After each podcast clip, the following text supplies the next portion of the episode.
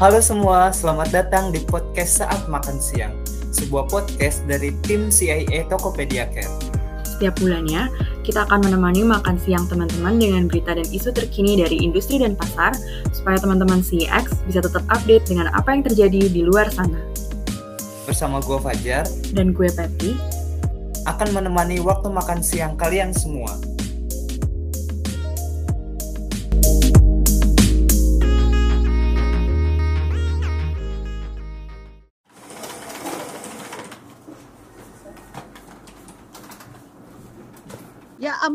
Ampun, bete banget deh sumpah. Lihat deh Baf, gue kan beli kue yang diantar kurir. Terus mungkin karena goyang jadi hancur. Sekarang sellernya nggak mau tahu katanya salah kurir karena kurang hati-hati.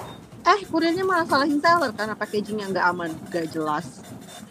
Terus gimana dong? Diganti rugi nggak? Nggak tahu nih, masih belum ada yang sepakat, nggak ada yang mau tanggung jawab lagi. Eh, eh, tapi lo udah aktifin asuransi pengirimannya kan? Kalau udah mah aman, tinggal klaim aja, jadi lo bisa dapat ganti rugi. Loh, ada ya asuransi pengiriman? Ada, waktu check out tuh harusnya ada pilihannya. Coba lo, lo cek lagi. Siapa tahu ternyata udah. Oh iya ding, gue udah klik tambah asuransi pengiriman. Ya ampun, thank you banget ya Baf udah diingetin. Gue coba klaim ya.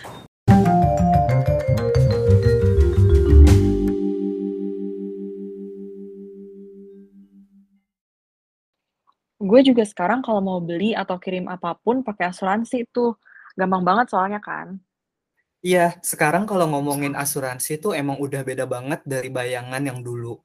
Kalau dulu tuh asuransi tradisional pasti kan yang kebayang tuh kayak asuransi jiwa, asuransi kesehatan, dan lain-lain.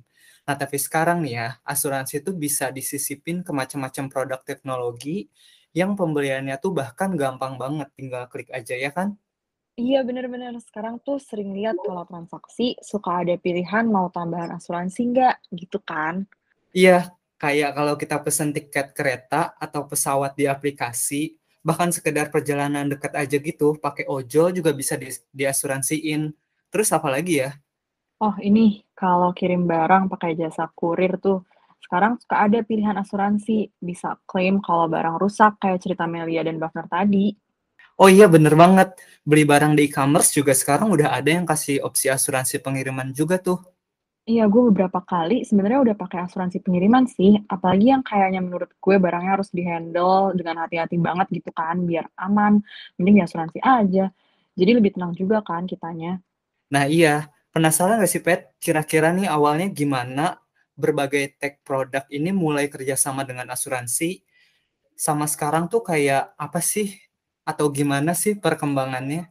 Iya, penasaran sih, Kak. Eh, denger-denger, by the way, Kakak kayaknya udah de- udah undang bintang tamu yang bisa temenin kita nih untuk ngobrol-ngobrol tentang asuransi ini. Yo Yvette, kita kedatangan Jo Kevin nih, Sales and Operation Development Senior Lead di Tokopedia.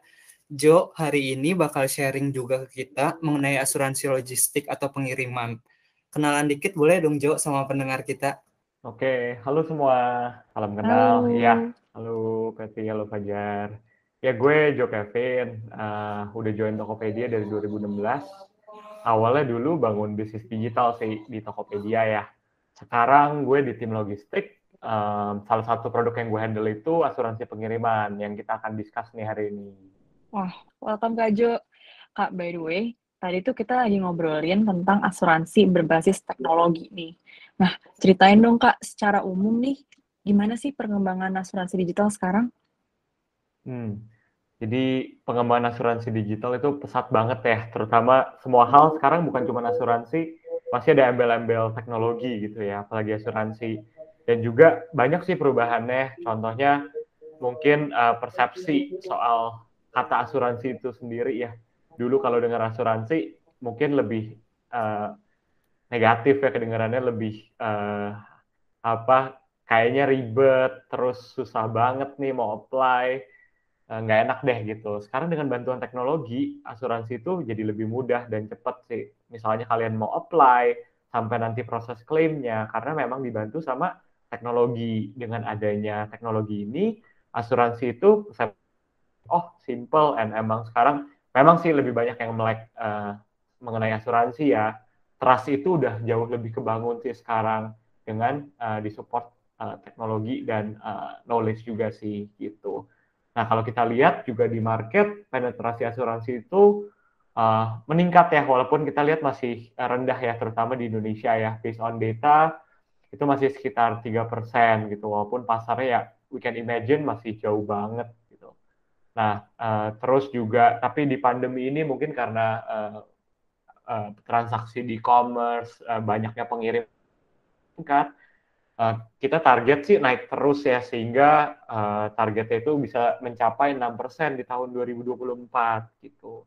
Terutama yang kita akan bahas hari ini itu mostly kan asuransi pengiriman ya. Jadi uh, dengan yang tadi saya udah mention uh, belanja online itu bertambah uh, banyak gitu. Jadi uh, makin kencang lah uh, permintaan terhadap asuransi pengiriman gitu. Oh, I see. Makanya sekarang tuh banyak banget ya perusahaan yang berlomba-lomba nih untuk menawarkan asuransi berbasis teknologi ini untuk produk-produk tambahan mereka juga kan, karena emang customer nih lagi banyak banget yang butuh ya ternyata ya. Hmm, betul. Nah, kalau kebutuhan pengiriman di e-commerce marketplace sendiri nih Kak, ini tuh gimana sih perkembangan insurtech-nya? Meningkat banget juga pastinya ya?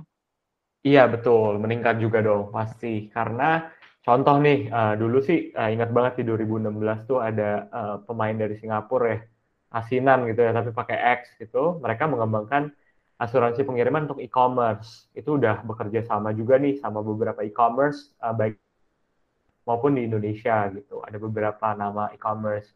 Nah, mereka itu lebih kayak tech enabler lah perannya. Jadi lebih bantu menggunakan teknologi untuk melakukan analisa klaim, juga uh, verifikasi uh, usernya itu seperti apa profilnya gitu kan karena kan itu sangat erat dengan asuransi ya. Terus juga uh, pakai teknologi itu biar bisa proses klaimnya itu lebih cepat daripada yang konvensional. Dulu banyak sekali dokumen-dokumennya yang perlu disertakan gitu ya. Jadi untuk uh, proses asuransi pengiriman ini uh, tiga pihak sih sekarang yang terlibat gitu dari asuransi pengiriman uh, di e-commerce. Berarti e-commerce-nya penerbit asuransi dan juga tech enabler atau biasa disebut juga uh, broker ataupun agent gitu. Nah, uh, makin ke sini banyak deh uh, perusahaan muncul gitu di tanah air kita juga uh, dengan uh, kategorinya startup fintech ya yang bermain di insurtech gitu produknya. Uh, mereka menawarkan produk-produknya secara online, preminya murah, pembayarannya pun gampang gitu udah secara digital mau bayar pakai apa aja asuransi bisa gitu. Nah kalau di kita bahas lagi lebih panjang lagi sih banyak banget yang kita bisa discuss terutama di Southeast Asia yang memang berkembang banget marketnya. Wah dilihat dari dalam dan luar negeri aja tuh tadi udah banyak. Nah sekarang nih Jo kalau di Tokopedia sendiri gimana? Kita punya nggak sih asuransi pengiriman? Oh tentu punya. Ini dulu uh, kita bangun sendiri juga sih jadi uh, kita bekerja sama dengan uh, eh, PT Tokyo Marine Indonesia. Uh, berbeda ya mungkin dengan apa yang uh, eBay. eBay kan dia bangun sendiri ya. Kalau kita ini kita percaya spirit kolaborasi sehingga kita waktu itu adakan uh, partnership siapa sih yang bisa memenuhi uh, requirement kita yang bisa memberikan experience uh, paling bagus dan juga preminya juga bagus buat user-usernya Tokopedia itu dan juga ya intinya semudah mungkin lah buat pelanggan kita.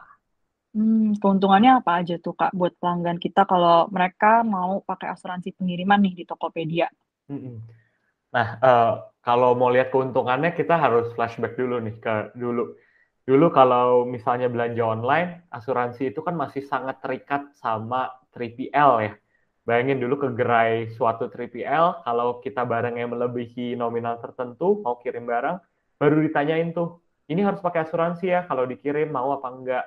Juga ada packing kayu ada isi formulir dulu. Itu uh, suatu experience yang tidak mengenakan lah. Belum lagi nanti klaimnya. Klaimnya siapa yang ngurusin? Uh, sellernya mungkin harus datang sendiri ke gerai.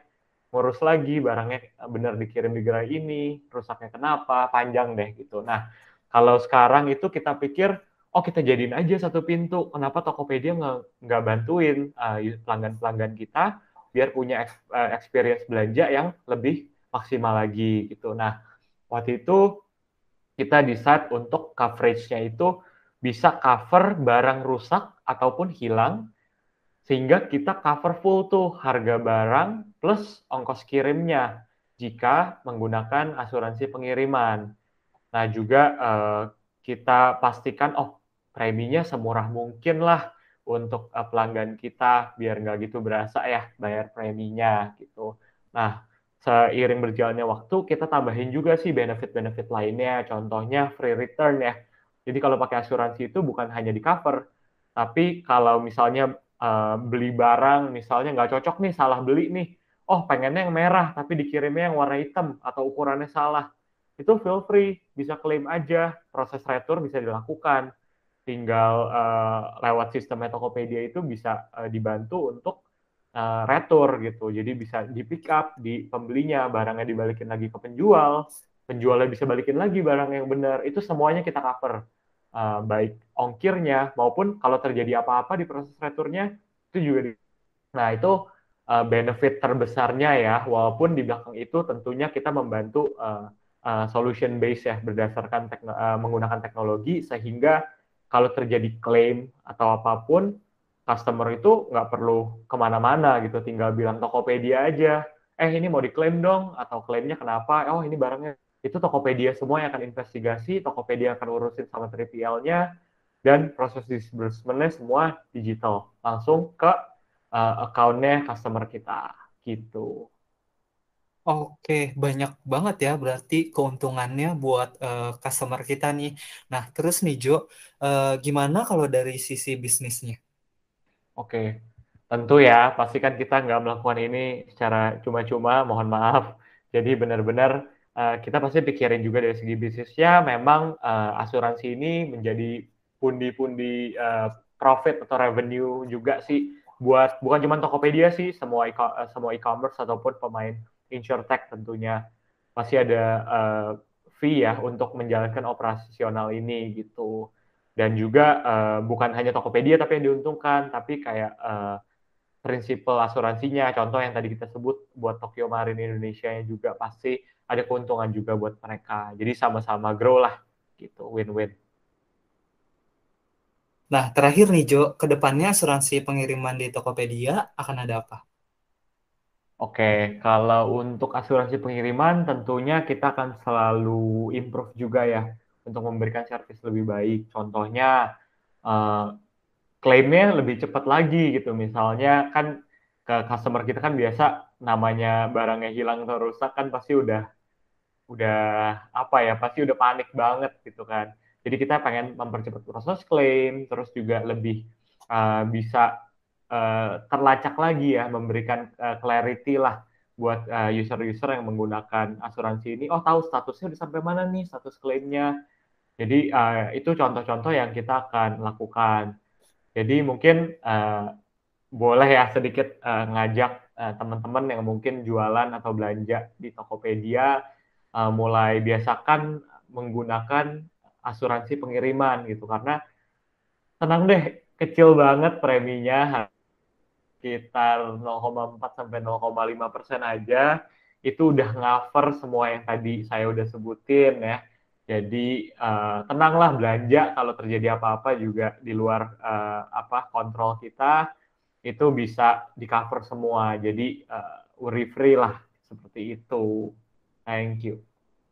Wah, ternyata banyak banget ya manfaat yang bisa didapetin dari asuransi pengiriman. Apalagi tadi biaya yang perlu dikeluarkan juga terjangkau, jadi semakin menguntungkan ya untuk pelanggan. Nah, bener banget tuh, Pet.